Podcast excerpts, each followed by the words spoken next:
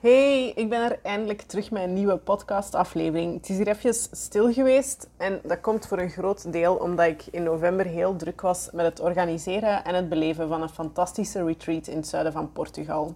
Er staat een podcastaflevering over die ervaring op de planning, maar je kon er eerder ook al over horen in aflevering nummer 5 van de podcast. Dus mocht je super nieuwsgierig zijn en meer willen weten over de retreat, luister dan gerust even die aflevering terug.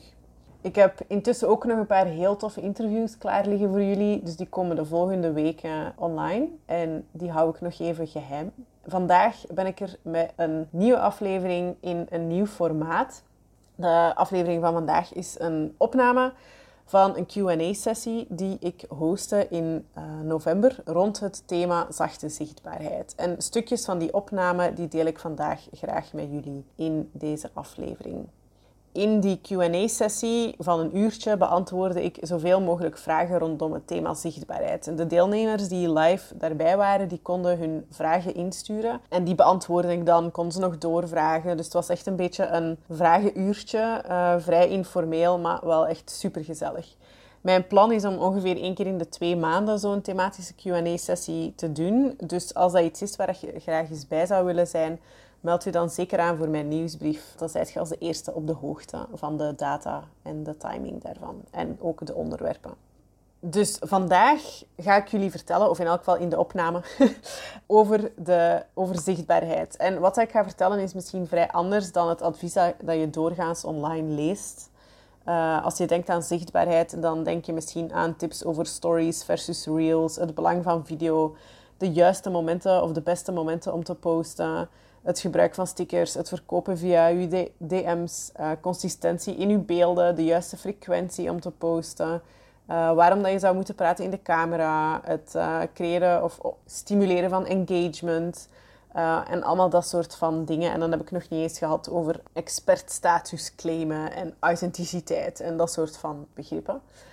Als je begint met ondernemen, voor degenen van jullie die nog vrij aan het begin staan van jullie ondernemersreis, dan is het super begrijpelijk dat je op zoek gaat naar hoe het hoort en hoe anderen het doen. Dat deed ik in het begin ook. Maar ik heb wel gaandeweg zelf ondervonden dat dat eigenlijk echt een ongelooflijk grote spreekwoordelijke wegomleiding is.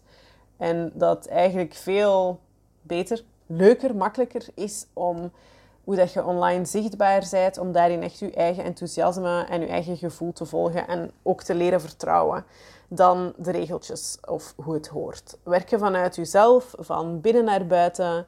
Jezelf toestaan om te focussen op wat je leuk vindt en waar je blij van wordt. Uh, waar jij, jij, je mond niet over kan houden, waar je uren over zou kunnen babbelen. Wat dat jou echt aan laat staan. Dat maakt het echt zo, zoveel toffer. zoveel leuker, zoveel meer exciting. En er is niks mis met die standaard adviezen op zich. Die zijn er ook wel voor een reden. En een deel. Ik realiseer me trouwens ook dat ik het uh, algoritme nog niet eens vernoemd heb, want dat is ook zo'n ding. Maar goed, terug naar mijn verhaal. Het uh, probleem met die standaard adviezen is vooral dat dat een beetje one size fits all is. En met one size fits all, daar hoort nu eenmaal ook bij dat dat nooit voor iedereen past. De mensen voor wie dat, dat niet zo goed werkt, de mensen die heel onzeker worden van dat soort... Op het moment dat je het algoritme wilt verslaan, dan ben je eigenlijk... Verslaan tussen aanhalingstekens, dat klinkt ook zo dramatisch. Maar dan ben je eigenlijk heel erg bezig met, met harde regeltjes, met bijna wiskunde, met exacte wetenschap. En dat kan echt zo, zodanig overweldigend zijn dat al, al uw creativiteit en al uw plezier zachtjes gewurgd wordt. En op het moment dat het dan niet lukt of dat er dan weinig respons komt op alles wat dat je deelt of weinig interactie, dat er weinig aanvragen binnenkomen, dat er uh, weinig gesprekken ontstaan met je volgers, dan heb je al snel het gevoel dat er gewoon iets mis is met jou. Want alles advies, dat werkt blijkbaar niet. Niemand vindt jou, niemand, niemand reageert op je berichten, uh, je krijgt weinig likes en allemaal dat soort dingen. En dan voelt het al heel snel of dat er iets mis is met jou. En misschien zelfs dat dan, dan dus Instagram helemaal niet voor u is. Of dat dan uh, social media, dat dat echt niet weggelegd is voor u. Uh, of zelfs dat ondernemen misschien niet weggelegd is voor u. En dat is echt enorm, enorm jammer. Um, we zijn allemaal anders. En wat dat voor de ene persoon werkt, dat werkt helemaal niet voor de andere. Ook al zouden we dat zo graag willen dat er een magic formula was, geloof daar niet echt in. En uzelf blijven vastvroeten in iets wat dat u meer energie kost dan dat het oplevert, is absoluut geen oplossing. Zelfs als je al langer bezig bent met ondernemen, als je al langer Instagram uh, of andere social media gebruikt, dan nog kan, um, kan zichtbaar zijn soms zwaar voelen. Ik denk dat heel veel mensen daar in elk geval bij momenten wel mee worstelen. Ja, maar waar wil ik het dan over hebben? Wat wil ik dan delen? Wat past er bij mij? Wie ben ik eigenlijk echt als ondernemer en waarvoor wil ik staan met mijn bedrijf? Uh, dat dat allemaal thema's zijn die, die we ons regelmatig afvragen, waardoor dat soms moeilijk is om te beslissen van ja, wil ik nu wel delen, wil ik nu niet delen, doe ik dit wel goed genoeg, kan ik dit niet nog beter doen, hoe doen anderen dat? En dat we dan toch gaan vergelijken, uh, stiekem, ook al proberen we dat te vermijden. En aangezien dat voor de meeste creatieve ondernemers zichtbaarheid op social media best wel een groot deel van ons takenpakket in beslag neemt en onze tijd, is het echt ontzettend jammer als dat zo zwaar moet voelen. En als je op het moment dat je iets zou moeten, of het gevoel hebt dat je iets zou moeten plaatsen op Instagram met dat gevoel van zo'n zwaar en moeizaam gevoel eraan moet beginnen, dat is echt super jammer. Zeker omdat dat niet hoeft. Wat ik dus vandaag vooral met jullie wil doen, is jullie aan te moedigen om meer te durven vertrouwen op, je, op jezelf, uh, op je eigen enthousiasme, op je eigen energie. En intuïtie is een beetje een moeilijk woord, want dat klinkt voor velen zeer zweverig. Je mag het ook onderbuikgevoel noemen als dat voor jou beter past. Maar om gewoon te vertrouwen op wat dat jij voelt in jouw lijf. Niet in je hoofd, niet in het, in het hoofd dat helemaal zit in van ja, maar ik zou dit zo moeten doen of die persoon doet dit zo, moet ik dit dan misschien ook op die manier aanpakken. Vanuit jouw gevoel, zodat je met meer plezier, uh, nog meer plezier zichtbaar kan zijn op social media. Wat deel ik dan op social media? Moet ik dan alles delen? En hoe beslis ik wat ik wel deel en wat ik niet deel? Als eerste, ik ben er helemaal van overtuigd, en ik geloof daar 100% in, dat we zelf mogen beslissen wat we delen. En dat er daar dat daar geen goed of fout in is. Maar dat, en dat op een authentieke manier zichtbaar zijn niet wil zeggen dat je dus alles van je leven en alles van wie jij bent moet delen met jouw volgers online. Hoe beslis je wat je niet deelt? Ik heb daar zelf twee filters voor. Vragen die ik mezelf stel om, als ik twijfel, om te beslissen van oké, moet ik dit nu delen of moet ik dit nu niet delen? En de eerste is, voelt het kwetsbaar om iets te delen? Voelt het bijvoorbeeld dingen als over mentale gezondheid, over verlies, over dingen die je op dit moment heel veel stress kosten in je persoonlijke leven, wat dan ook. Als het kwetsbaar voelt op dit moment voor mij, dan kies ik ervoor om dat niet te delen ik denk niet dat je je ziel hoeft bloot te leggen online. En het hangt misschien ook een beetje af van wat voor soort bedrijf je hebt. Als je meer werkt rondom mentale gezondheid bijvoorbeeld, als je daarin mensen coacht, dan kan het juist ook wel een keuze zijn om die kwetsbare momenten te delen. Maar het is altijd vrij voor jou om daarin te beslissen wat voor jou goed voelt. En een ander aspect daarvan is ook van, gaat het om andere mensen hun privacy? Als jij ervoor kiest om bijvoorbeeld je kinderen niet online te tonen, omdat je niet wilt dat ervoor zij zelf kunnen beslissen of zij online zichtbaar willen zijn, dat jij die keuze voor hen maakt. Dat is natuurlijk ook een prima reden om die dingen niet te delen, die stukjes van jouw uh, privéleven. Connectie bestaat niet, ontstaat niet alleen maar door het delen van alles wat dat we doen, en van alles wat ons overkomt. Ik geloof er helemaal in dat connectie vooral ontstaat door hoe wij naar dingen kijken, hoe dat we in het leven staan, onze zin voor humor, waar we enthousiast over zijn, wat we belangrijk vinden, wat ons plezier geeft en soms ook waar we ons kwaad over durven maken als we het ergens helemaal niet mee eens zijn. En we vinden dat belangrijk. Ik denk maar aan bijvoorbeeld dingen als gelijkheid of klimaatopwarming, allemaal dat soort dingen. Als er dingen zijn waar wij ons kwaad over maken, dat is ook iets waar we vaak heel goed met andere mensen connectie rond kunnen opbouwen. De tweede filter is ondersteunt wat ik wil delen, ondersteunt het ding waarover ik me afvraag, wil ik het delen, uh, ondersteunt het de persoonlijke connectie die ik wil maken met mijn klanten, ondersteunt het de visie die ik wil uitdragen met mijn bedrijf, sluit het aan op wat ik wil geven aan mijn volgers en mijn klanten. We doen allemaal, jullie doen allemaal iets waar jullie door gepassioneerd zijn en daarmee willen jullie allemaal iets geven aan de mensen die jullie volgen en aan de mensen die jullie klanten zijn. Dus past het ook daarbij, sluit het daarbij aan. En alles wat daar niet bij hoort, dat hoef je überhaupt niet te delen.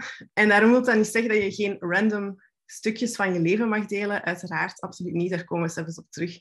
Maar het is wel een goede filter om als je twijfelt of als je ergens deep down het gevoel hebt van zou ik dit moeten delen? Maar ik, dat voelt helemaal niet goed. Dat je kan zeggen nee, dit hoeft helemaal niet. Het is helemaal prima. Wat deel je wel? Dat is eigenlijk het omgekeerde. Alles wat wel persoonlijke connectie ondersteunt met jouw klanten. Alles wat wel jouw visie die je wil uitdragen ondersteunt. En dat kunnen zowel grote dingen als hele kleine, simpele dingen zijn. En die kleine, simpele dingen, zoals kleine details uit jouw persoonlijk leven. Uh, bijvoorbeeld voor mijzelf, ik deel vaak mijn wandelingen. Ik deel af en toe dat ik thee melk drink, want dat vinden sommige mensen verschrikkelijk ranzig en dat levert altijd grappige conversaties op.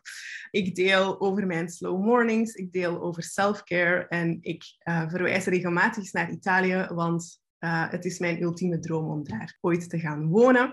Dat zijn dingen die zo, zo, van die kleine details zijn dingen die we vaak het gevoel hebben van, ja, maar wie is daar nu in geïnteresseerd? En dat is toch helemaal niet speciaal? En dat is toch helemaal niet interessant? En ik ben maar saai en mijn leven is helemaal niet boeiend of bijzonder. Maar die kleine dingen die maken het ook luchtiger om op Instagram te zijn we staan niet op de markt als we op Instagram zijn. Dus um, ook al zijn we ondernemers die iets aan het verkopen zijn, we staan niet op de markt verse vis of wortels te verkopen aan de kilo. En dat is ook niet waarom onze volgers op Instagram zijn. Onze volgers zijn er niet om dingen te kopen. Je, gaat niet, je doet niet je Instagram-app open met het idee, oh, dat zal ik vandaag eens kopen. Maar het is social media, dus waarom we daar vooral zijn, is om connectie te maken met andere mensen via de inspirerende content die ze delen, maar ook via de gewone kleine menselijke dingen ehm, die ze delen, die, die wij ook doen en dat we leuk vinden om bij andere mensen ook te zien, of die wij misschien heel graag willen, meer van willen in ons leven, maar die we nog niet helemaal hebben. Oké, op naar vraag 2. Hoe laat ik me niet verlammen door imposter syndrome? Dus door het gevoel van, weet ik hier wel genoeg over? Kan ik hier wel over praten? Ben ik wel genoeg een expert om uh, over dit onderwerp iets te vertellen. En het eerste wat ik daarover wil zeggen is dat uh, imposter syndrome meestal komt kijken op het moment dat we iets nieuws aan te doen zijn dat net of ver buiten onze comfortzone ligt, als we onze grenzen aan het verleggen zijn en als we aan het groeien zijn eigenlijk. Alles wat de dingen, praten over de dingen die we tot nu toe al allemaal gedaan hebben en waar we um, het gevoel hebben van daar hebben we al in bewezen dat we daar goed in zijn.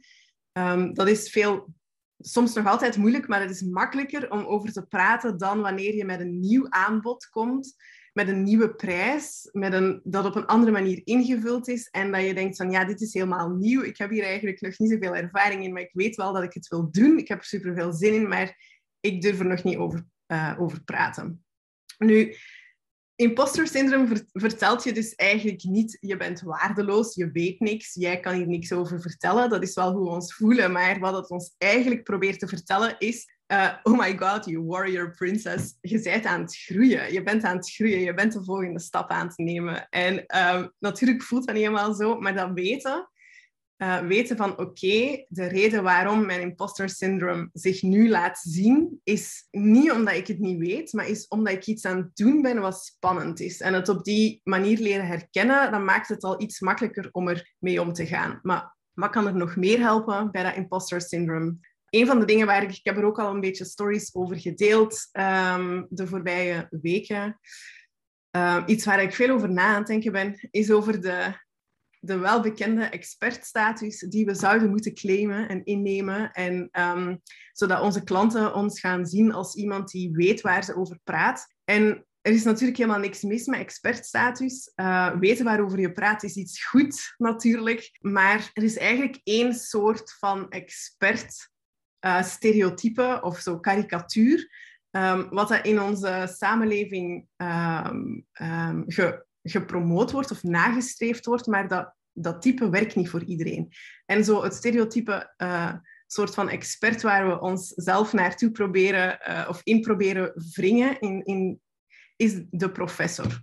Uh, iemand die alles weet over een bepaald onderwerp, die gerespecteerd wordt door iedereen in zijn vakgebied, die meestal ook wit en grijs en mannelijk is en die met een enorm zelfvertrouwen en misschien zelfs een beetje arrogantie over dingen praat. En uh, is niks met professoren. Ik heb zelf zeven jaar in de academische wereld gewerkt, maar uh, ik kan wel vertellen dat wetenschap ook iets is wat continu in ontwikkeling is en dat die zekerheid uh, vooral iets is dat we aan de buitenkant zien, maar niet achter de schermen van de universiteit. Want onderzoek is altijd in ontwikkeling. Um, onderzoeksresultaten zijn altijd aan het veranderen. Er wordt altijd nieuw onderzoek gedaan. Alles wordt altijd in vraag gesteld, of dat is hoe het zou moeten zijn. En waarvan we tien jaar geleden dachten dat het de waarheid was, zijn we intussen achter dat het niet meer helemaal klopt of dat het helemaal niet meer klopt. Dat is hoe, uh, hoe het achter de schermen van een universiteit eraan toe gaat. En dat is iets dat we vaak vergeten. Maar, maar goed, als de professor de enige soort van expert was in de wereld, dan zou er niet zoveel beweging zijn in de wereld. Dan zouden we eigenlijk nergens komen. Want om even in de, het voorbeeld van het onderwijs te blijven, zonder schooljuffen of schoolmeesters komt al die kennis van die professoren, die komen helemaal niet tot bij ons. En dan zou kennis dus ehm, bij een heel klein stukje intellectuele elite blijven. En de schooljuf hoeft geen professor te zijn, want haar expertise ligt niet alleen ligt niet op het onderzoek doen, maar ligt op het doorgeven van de kennis. En door, als we dus zelf mogen gaan uitzoeken wat voor soort expert we willen zijn en aan wat voor soort experts we een voorbeeld willen nemen voor onszelf, willen wij de professor zijn of de schooljuf, of willen we uh, de Wall Street zakenman zijn of de bakker die alles weet over, over brood bakken, dan zorgt dat ervoor dat we op een heel andere manier kunnen kijken naar hoe wij onszelf willen, willen voordoen. En wat ik zelf bijvoorbeeld voor mijzelf een leuke metafoor vind, jullie gaan misschien moeten lachen, maar ik vind het zelf veel leuker om zo het kruidenvrouwtje te zijn en niet de arts. Niet dat ik met medische dingen bezig ben, maar gewoon als vergelijking, zeg maar gewoon een wijze vrouw, vind ik een veel leuker soort van expertstatus stereotype om mijzelf in te zien dan, dan meer die mannelijke soorten van, uh, van expertstatus die, ehm, die we allemaal goed kennen. Het kruidenvrouwtje geeft mij een vertrouwd gevoel. Zij toont echt de passie voor wat ze doet. Ze heeft haar hart op de juiste plaats. Um, ze staat altijd open om te leren, om mensen mee te nemen in haar leerproces. Ze is gedreven en ze blijft voortdurend groeien in haar vak. En misschien ook wel mensen die er meer zijn om anderen te dienen. En te dienen, dat klinkt een beetje onderdanig, maar in plaats van anderen te vertellen van dit is wat je moet doen. Een kleine boodschap van zachte revolutie voor jullie. Ik denk ook dat de wereld en onze kinderen, dat, die, dat de wereld heel veel behoefte heeft aan andere soort van expert-rolmodellen, zodat de nieuwe generaties ook meer en meer kunnen zien van ik heb wel een plaatje in deze wereld, ik heb wel iets te vertellen. Er is voor mij ook ruimte, niet alleen maar voor het harde soort van universitaire, harde zakelijke kennis um, die tot nu toe zo wat het ideaalbeeld is geweest.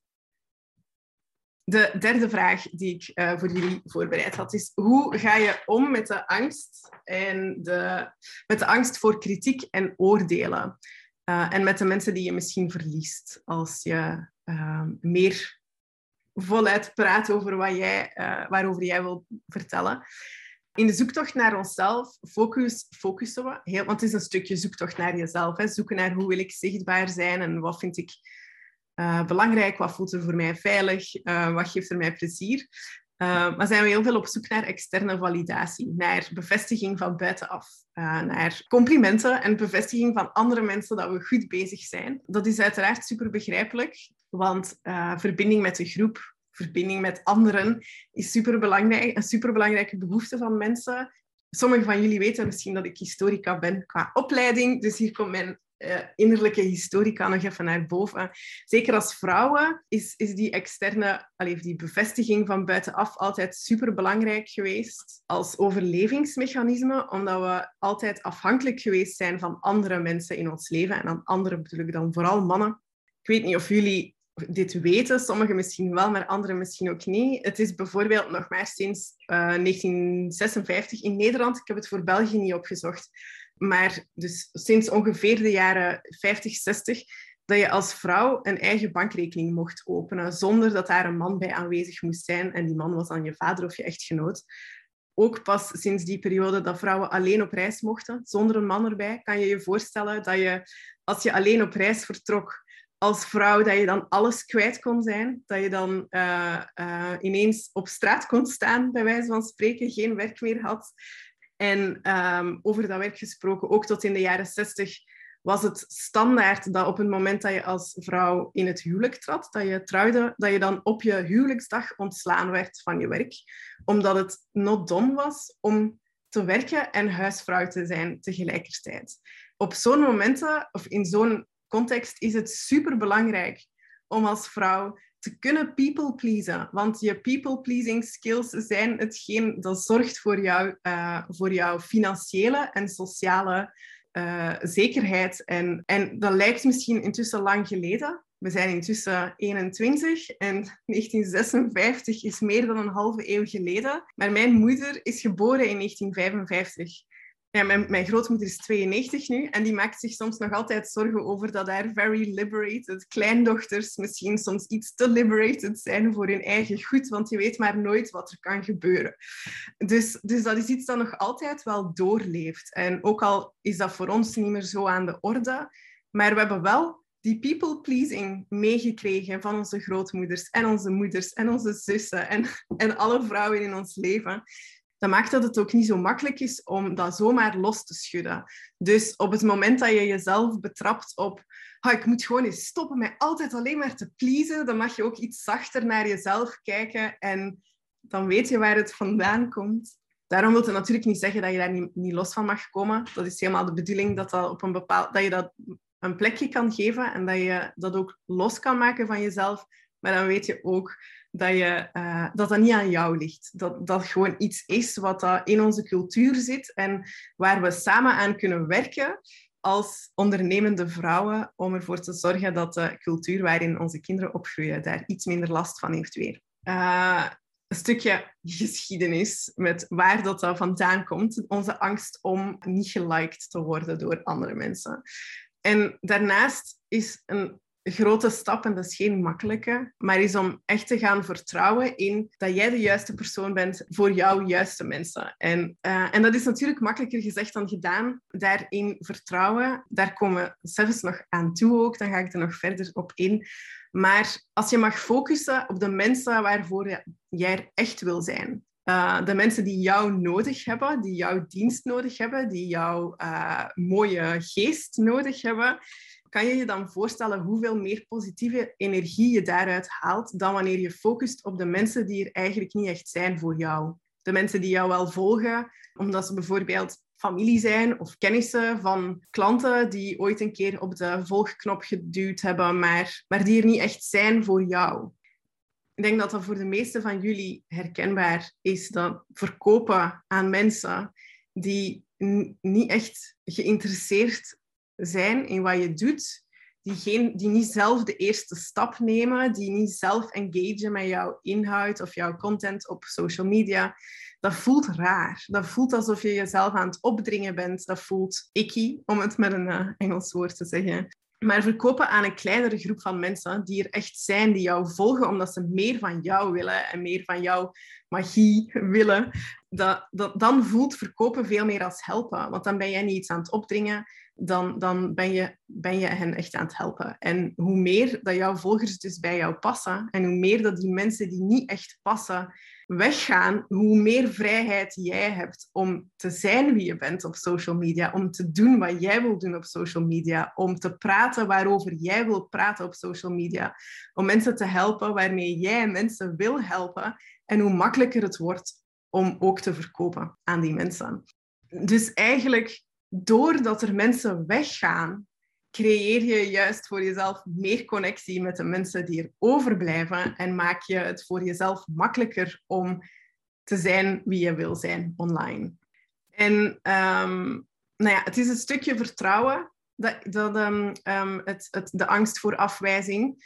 Uh, het is een stukje weten waar het vandaan komt. En het is ook een proces. Als ik naar mijzelf kijk, ik onderneem nu vijf jaar en iets langer. En in het begin was ik ook persoonlijk aangedaan van iedereen die mij ontvolgde. En in het begin was ik ook persoonlijk aangedaan van iedereen die, mij, die uh, zich uitschreef voor mijn nieuwsbrief. Maar na een tijdje, en die tijd heb je ook nodig, leer je ook gewoon zien dat dat er niet toe doet. Dat de mensen die overblijven, dat dat de mensen zijn waar ik mee wil werken. En dat de mensen die weggaan, dat het oké is dat die weggaan. En dat op het moment dat ze wel met mij willen werken, dat ze dan ook weer terugkomen. Dat gebeurt ook. Dus, um, dus dat is een stukje ook tijd, uh, tijd eraan geven. Dan de vierde vraag.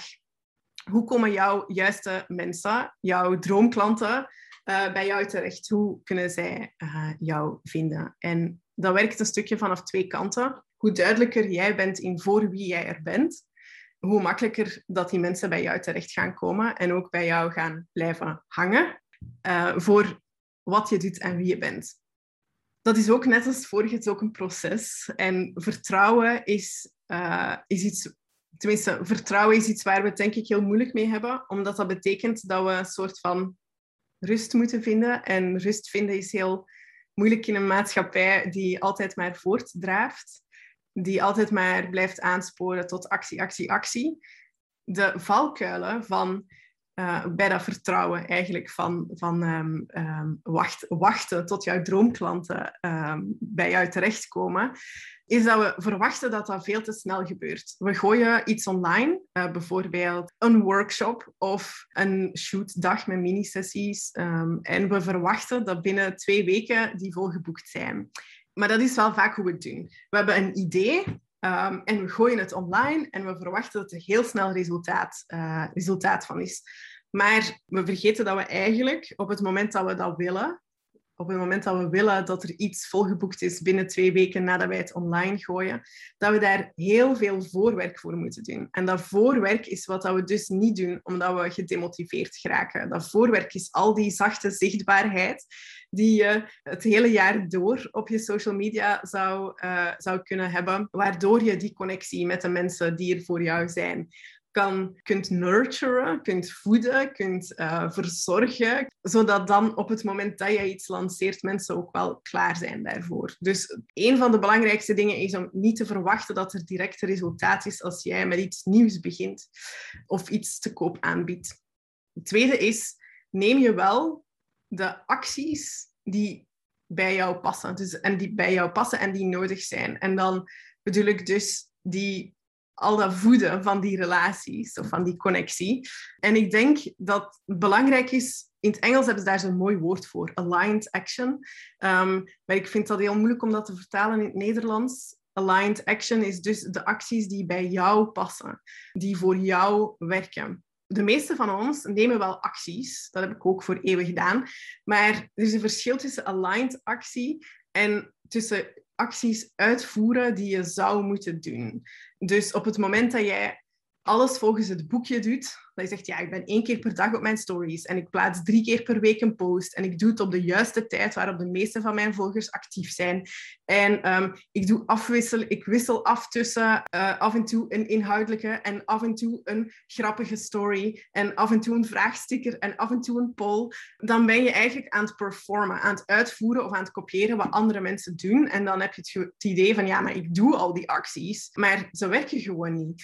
En bij aligned action uh, is het, zit die variatie er misschien ook wel in. En post je misschien ook elke dag, maar dan omdat dat voor jou goed voelt. Bijvoorbeeld zo dingen als een quiz. Voor mij werkt dat Ik vind het verschrikkelijk om een quiz te moeten maken en mensen te laten vragen beantwoorden over wie ik ben. Ik vind dat zelf, voor mij voelt dat niet als een aligned een, een, passende manier om mensen kennis te laten maken met wie ik ben.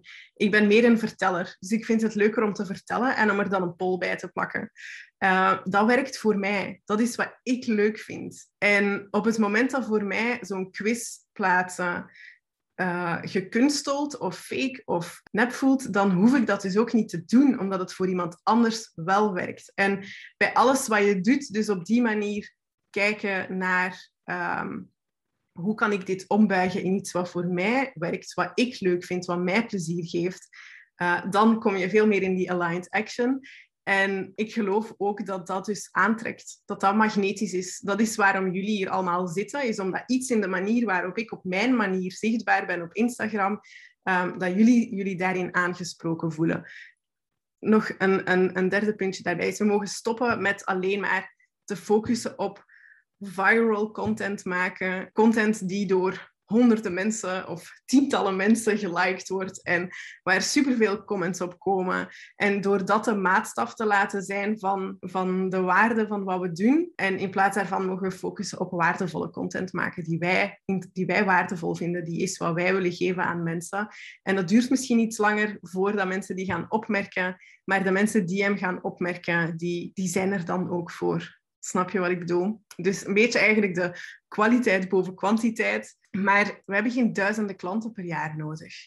Niemand van ons heeft duizenden klanten per jaar nodig. Dus als jij een, misschien een paar tientallen klanten per jaar hebt, die er echt zijn voor wat jij wil doen, dan hebben we daar genoeg aan. We hoeven niet leuk gevonden te worden door de hele wereld. We moeten alleen maar interessant gevonden worden door die paar tientallen klanten per jaar waar wij mee samen willen werken nog zo'n dingetje dat we heel vaak horen, dan is, is consistency. Ja, je moet consistent zichtbaar zijn. Maar ik denk dat die alignment, dat is doen wat dat bij jou past, veel belangrijker is dan consistent doen. dus consistentie werkt voor sommige mensen heel goed, maar voor andere mensen helemaal niet. Sommige mensen werken veel beter op op hun impulsiviteit, op wat ze op dat, dat moment zich bedenken, op waar ze op dat moment inspiratie voor hebben. Als consistentie jou helpt om inspiratie te krijgen, dan by all means bedenk voor jou hoe vaak jij zichtbaar wil zijn en hoe vaak jij wil posten. Maar als het idee dat je daarover moet nadenken voor jou betekent dat je niet meer je gezicht laat zien, dan mag je daar dus ook mee stoppen vandaag. En dan wou ik nog vertellen als laatste dat vertrouwen hebben in dat jouw mensen gaan komen als jij jezelf laat zien, is niet hetzelfde als wachten. Wachten betekent dat je niks aan het doen bent. Vertrouwen betekent dat je die acties aan het nemen bent die jou daarbij gaan brengen. Vertrouwen betekent niet stilzitten. Um, dus vertrouwen betekent dat je niet hoeft te stoppen of niet hoeft te wachten tot je volgersaantal groot genoeg is om te vertellen wat je doet dat je niet hoeft te wachten tot je die mensen al aantrekt die jij wil aantrekken, maar dat je daar nu mee mag beginnen. Met content te maken die die mensen kan aantrekken. Met zichtbaar te zijn op een manier waar je mensen aanspreekt door jezelf te zijn. Eigenlijk net een beetje als in het echte leven. Je komt, als je nieuwe vrienden maakt, dat gebeurt eigenlijk op dezelfde manier. Door jezelf te zijn en door op die manier gewoon te voelen welke persoon bij jou past. Als je in een nieuwe groep mensen komt, als je meegaat naar, ik zeg maar iets, een workation of een retreat of zo, uh, dan gaan er ook andere mensen zijn waar je meer mee hebt dan met een aantal andere mensen in de groep. En die connectie die maak je dus door jezelf te zijn. Niet door te denken, hoe kan ik zo tof mogelijk zijn dat de hele groep mij leuk vindt. Uh, dus dat mogen we op social media ook loslaten. Het is net het echte leven daar op Instagram. Heb ik nog een vraag voor jullie? Heb je nu het gevoel dat je, dat, dat, jou, dat je op social media soms weken verdwijnt? Dat je een beetje opgebrand raakt op social media en dat je dan bijna niet durft terug te komen omdat je te lang stil bent geweest. Want als je dat af en toe meemaakt, dan dat is heel duidelijk een teken dat de manier waarop je zichtbaar bent geweest tot nu toe, dat die niet de manier is die voor jou past. Dat betekent dat jullie uh, aan de slag mogen met wat ik vandaag allemaal verteld heb en dat jullie echt op zoek mogen gaan door trial and error, door te proberen wat voelt er voor mij goed en hoe kan ik dat omzetten in mijn zichtbaarheid op social media. Welk ritme voelt er voor mij goed? Welk, uh, welke vorm voelt er voor mij goed? Want daar heb ik het helemaal nog niet over gehad. Maar dat is net zoiets als het ja, video, bewegend beeld. Bewegend beeld krijgt nu voorrang op Instagram. Maar ja, als jij daar helemaal niks mee hebt, als het idee van een reel jou al moe maakt, dan vind ik dus dat je daar dus niks mee hoeft. Ik, ik maak ook geen reels. Ik word er moe van ook bij andere mensen er naar kijken, daar word ik moe van. Dus, dus um, ik denk dat er één account is die ik volg, die reels maakt met een kat die ik leuk vind.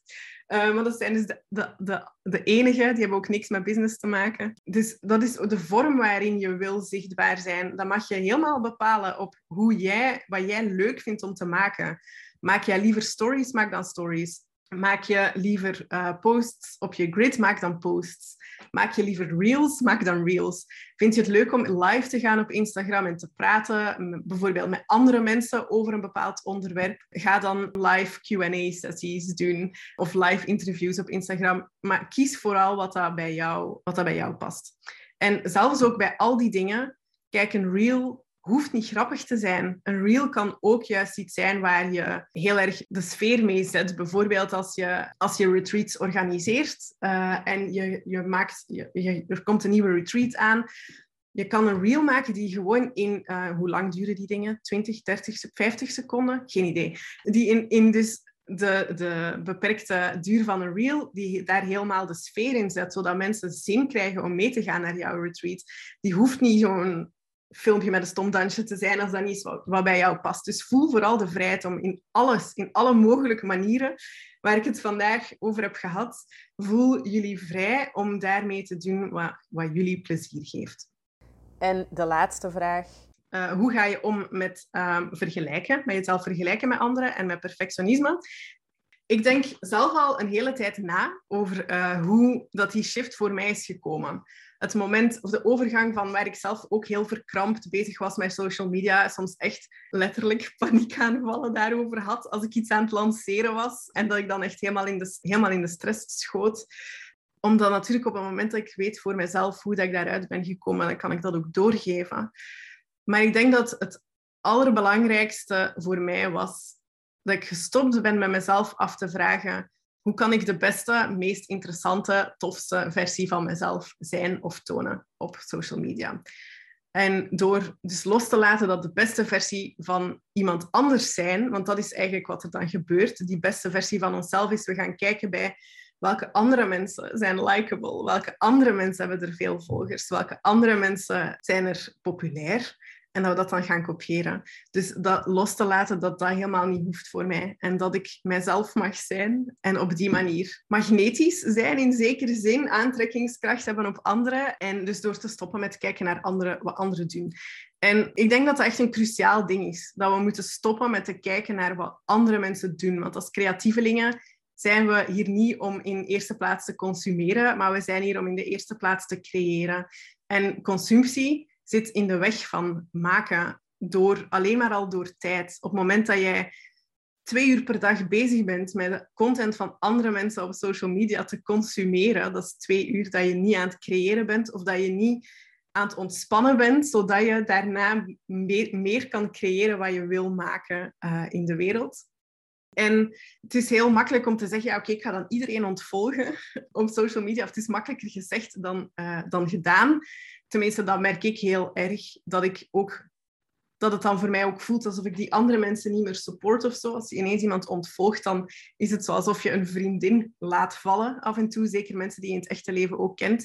Um, maar Instagram heeft een hele, ik vind dat een hele fijne functie, is dat je de stories van mensen kunt ontvolgen zonder of op mute zetten, zonder dat je mensen echt moet ontvolgen. Dan zie je nog wel hun berichten in je feed verschijnen, maar dan zie je niet meer heel de tijd hun stories.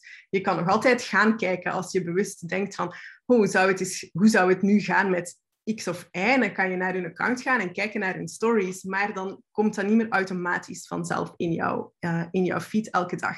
En dat heb ik dus gedaan. Ik heb denk ik 90% van de mensen die ik uh, volg, heb ik hun stories uh, gemute. Om zeker de mensen die mij aan het twijfelen maken. En daarmee bedoel ik bijvoorbeeld op mijn, op mijn coaching-account volg ik heel veel fotografen en creatievelingen, want dat zijn in die, op die account zijn dat dus mijn klanten, eigenlijk de mensen op wie ik mij richt, mijn doelgroep. En ik vind het heel leuk om met hen veel contact te hebben en om te zien waar zij mee bezig zijn, om te zien waar zij tegenaan lopen en hoe ik daarin kan helpen.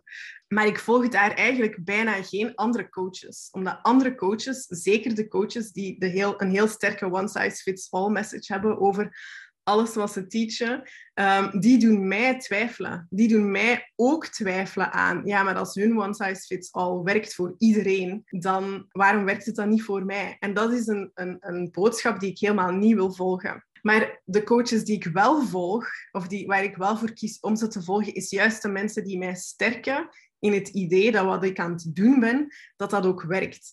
Andere coaches die ehm, ook juist heel erg gaan voor de er is geen one size fits all. Bij one size fits all werkt misschien voor 70% of 60% van de mensen, maar er is altijd 30 à 40 mensen, procent andere mensen voor wie het niet werkt. En voor die mensen wil ik er zijn. En de, de coaches die mij dus het gevoel geven van als zij daar mensen, of als zij daar een succesvol bedrijf mee kunnen opbouwen, om er voor die 30% van de mensen te zijn, dan kan ik dat ook. Dus zij, zij empoweren mij juist om verder te gaan op de weg waar ik in bezig ben.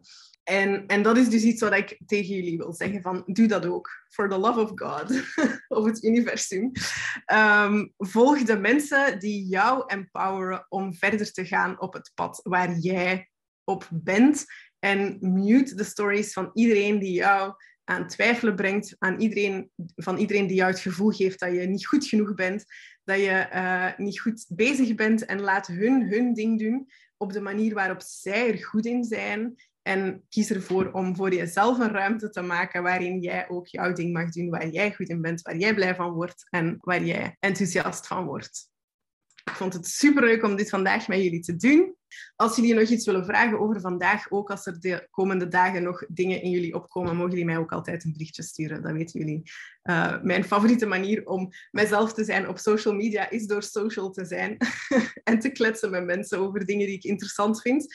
Dus um, dan mogen jullie uh, mij zeker ook altijd een bericht sturen. En dan wens ik jullie vandaag een hele fijne, mooie uh, herfstdag toe met heel veel inspiratie en rust. Yes, dat was het voor vandaag.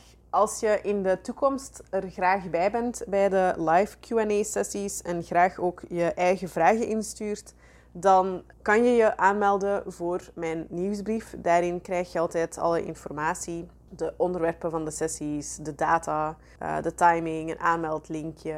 Uh, dus dat is, uh, dat is echt um, de manier om er de volgende keer bij te zijn. Bedankt voor het luisteren en tot snel weer.